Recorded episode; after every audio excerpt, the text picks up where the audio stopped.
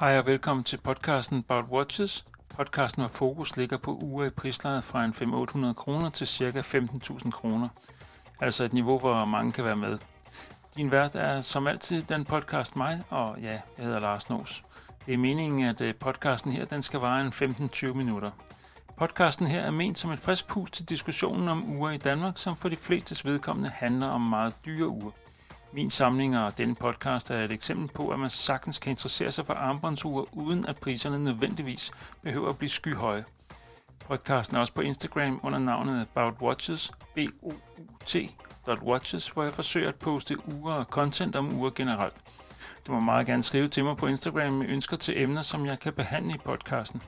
Jeg lover ikke at opfylde alles ønske, men jeg vil love at være lydhør og forsøge at forsvare alle.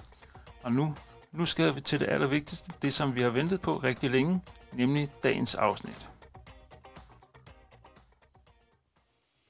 Ja, kære venner, så er vi klar. Det her det er About Watches øh, episode 3. I mit sidste afsnit, der gennemgik jeg mine tre blå uger, og i det her afsnit er turen så kommet til mine tre sorte uger. De ligger også meget passende i en sort watch roll, hvor de blå de hører hjemme i en brun watch roll. Ja, man skulle tro, den, øh, den skulle være blå, den Watchro, men øh, nej, den er altså brun. Hvordan er min samling egentlig begyndt? Tja, det er et godt spørgsmål.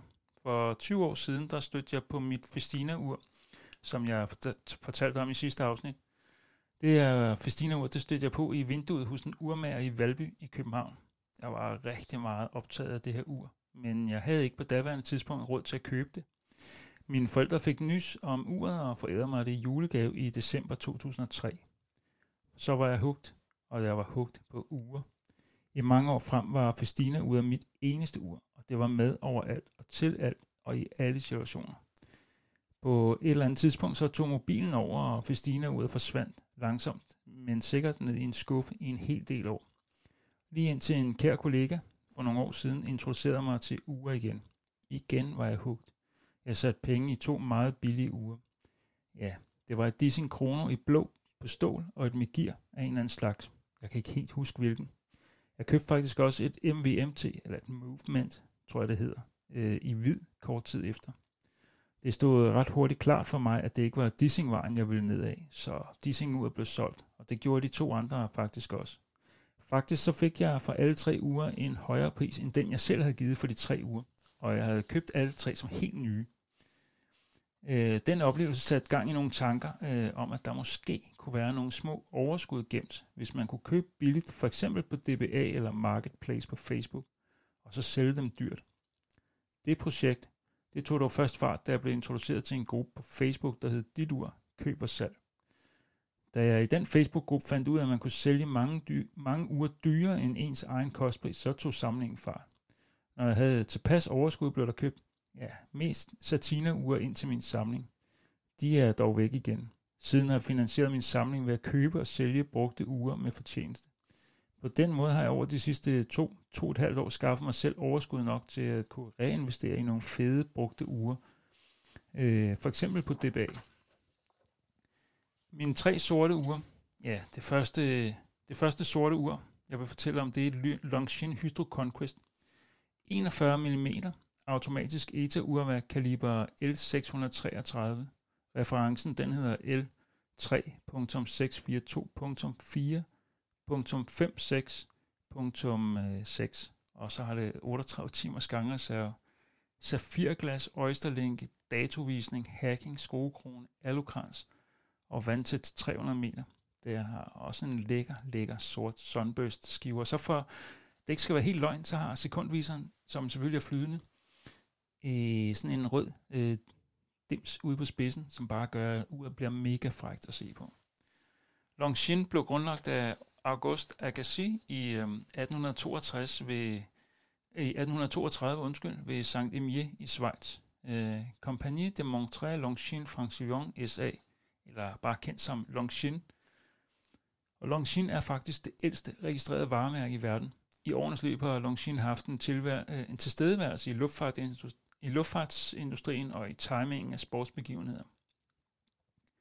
Eksempelvis har Longines øh, inden for sportsverdenen indført den første timingmekanisme, automatisk udløst af en elektrisk ledning. Siden da er brandet blevet udpeget som officiel partner og tidtager af internationale forbund og af prestigefyldte sportsbegivenheder over hele verden. Desuden har Longines historisk markeret sig inden for luftfart og navigation med timing, for eksempel gennem den første non-stop soloflyvning over Atlanten af Charles Lindbergh. Nogle andre kendte personer, som har båret armbåndsuret af Longines, er for eksempel Albert Einstein og øh, Humphrey Bogart. I dag er Longines med det bevingede timeglas-logo repræsenteret i mere end 140 forskellige lande.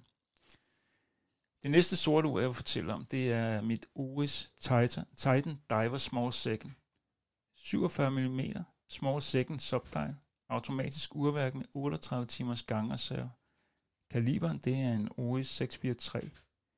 Referencen er, og hold nu fast, det er et rigtig langt nummer. Referencen, det er en 01743 76387 454 07 824 70 PEB. Uret har datovisning. Urkassen og lænken er i titanium. Så er der keramisk dykkerkrans, overtryksventil og vandsæt ned til 1000 meter. Og det der med vandsæt til 1000 meter, det talte vi om faktisk i sidste afsnit. Jeg har ikke været dernede. Faktisk så tager jeg jo min uge af selv, når jeg går i bad eller vasker op. Eller, ja, det er lige ved bare, at jeg vasker hænder faktisk. Øh, men jeg synes, det er en overdreven fed feature at have et dykkerur, som kan, som kan gå ned på 1000 meter. Jeg finder aldrig ud af, om det er rigtigt, men, øh, men det er fedt. Bare tanken om det, den er rigtig fed. Den kan jeg rigtig godt lide. Der er lige en ting, vi skal slå fast med det samme. OS det er fra Schweiz, og OS det er luksus. Produktionen af OS-ure blev påbegyndt i 1904 af Paul Catang og George Christian i svejsiske Hölstein. I 1911 havde firmaet over 300 medarbejdere. I 1938 kom OS med øh, Big Crown-modellerne, som man stadig kan købe den dag i dag.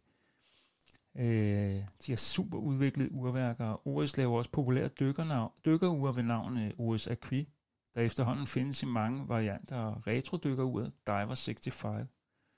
Urentusiaster rundt om i verden, inklusive mig, betragter OS som et eksklusivt mærke, der, fremstilles, øh, der fremstiller højkvalitative mekaniske ure til overraskende gode priser. En forklaring på de favorable priser skal findes i, at mærket bruger langt færre penge på markedsføring end, markedsføring end mange lignende mærker. Og som de selv siger, læg penge i uret i stedet for i avisen. At uret er Swissmade betyder ikke nødvendigvis, at et ur er 100% lavet i Schweiz. Men derimod så er det et udtryk for, at uret overholder nogle specifikke krav, der skal imødekommes for, at et ur må betegnes som Swissmade. Det har tidligere været 80%, men er altså faldet til, til 60%. Måske det så er lidt nemmere også i øvrigt. Overordnet set, så må man i dag bruge betegnelsen Swiss made, hvis uret er samlet og inspiceret i Schweiz. Samt at mindst 60% af produktionsomkostningerne genereres i Schweiz. Lige præcis de høje krav til, hvornår øh, du, kan, du skal klassificeres som Swissmade, har været med til vedvarende at opretholde de høje kvalitetsstandarder, der kendetegner Swissmade-ure. Du kan derfor være sikker på, at når du køber et ur betegnet som Swissmade, er det et ur i høj kvalitet, som du kan glæde af i mange år.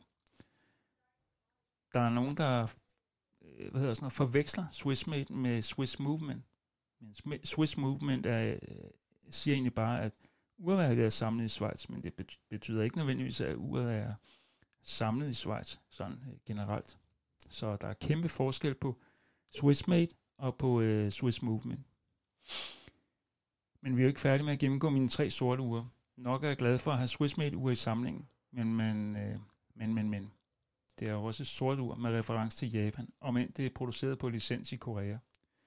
Jeg taler naturligvis om mit Psycho 5 øh, Sportsmod. 42 mm, doomed safirglas, sort kapitelring, sort keramisk dykkerkrans, automatisk urværk med en gangreserve på ja, omtrent øh, 40 timer. Kaliberen hedder 7S36 med referencenummer SNZF17K1.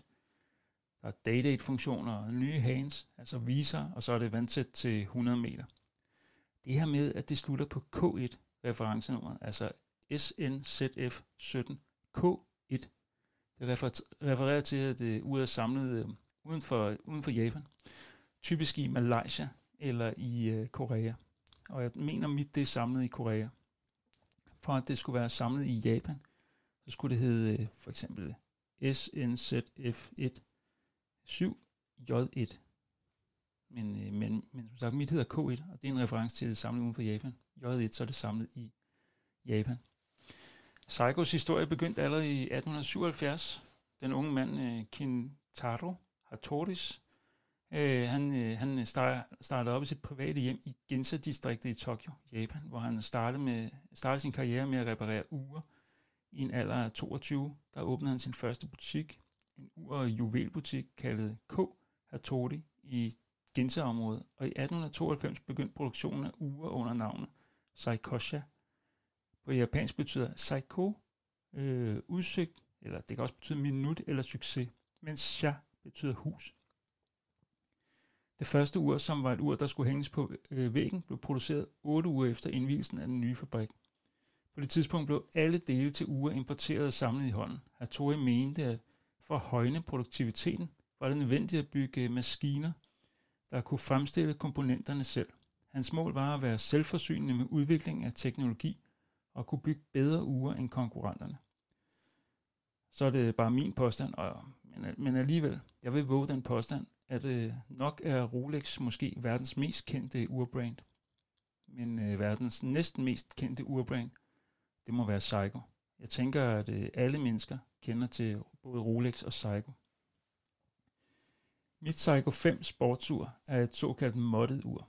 At et ur er moddet handler bare om, at det er blevet modificeret, altså at det adskiller sig fra originalen. Mit ur det er moddet af en fyr, der, hedder, der kalder sig karma.dk på Instagram, altså k h a r m a d o t dk Ham kan man finde på Instagram. Han laver nogle sindssygt fede mods. Øh, alle er psycho. Og øh, det fede ved ham er faktisk, at han modder uger.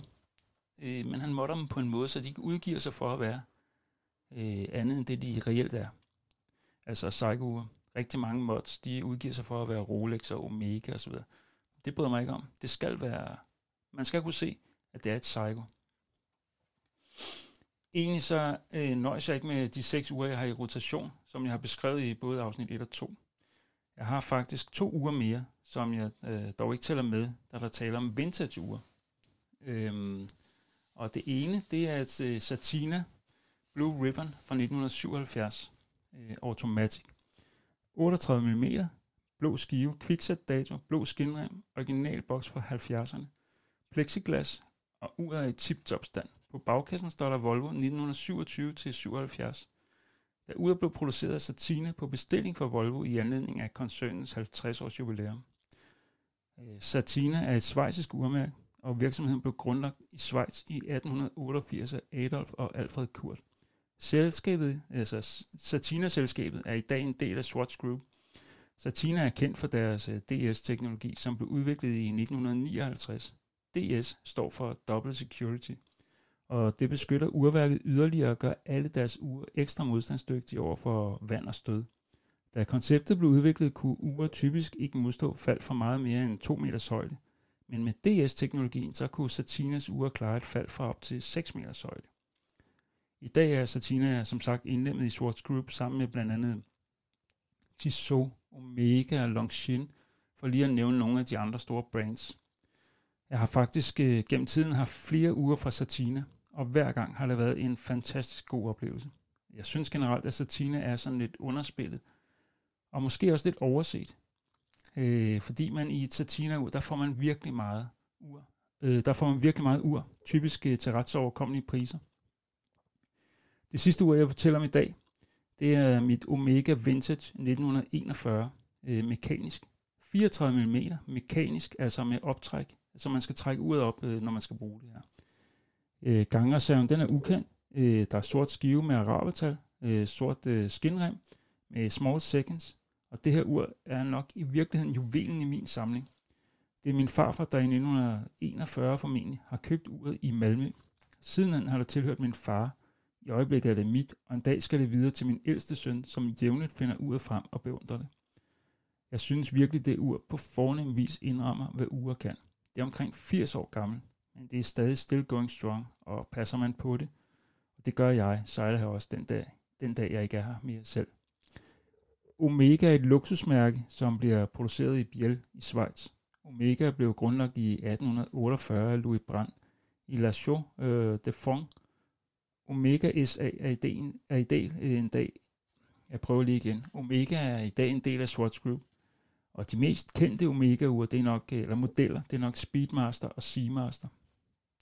Speedmaster øh, var det ur, som var med på NASA Apollo 11-missionen, altså den, den første øh, tur til månen i 69.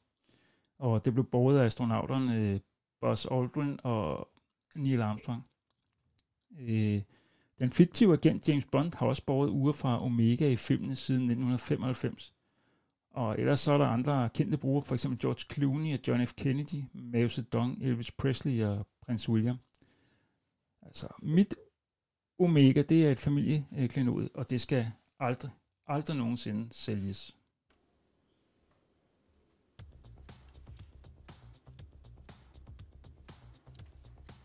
Du kan lide, hvad du lige har hørt, ja, så synes jeg, du skal tage og abonnere på podcasten. Podcasten den finder du på Spotify, på anker.com og på podbean.com. Vi er også til stede på Instagram under profilnavnet boutwatches, b o u -T .watches. Der kan du også sende os beskeder med ris eller ros. Tilbage er blot at sige tak for i dag. Jeg håber, du lytter med næste gang. Hvad næste afsnit kommer til at handle om, det ved kun ham med det lange hvide skæg. Indtil da, have det rigtig godt. Vi høres ved. Hej.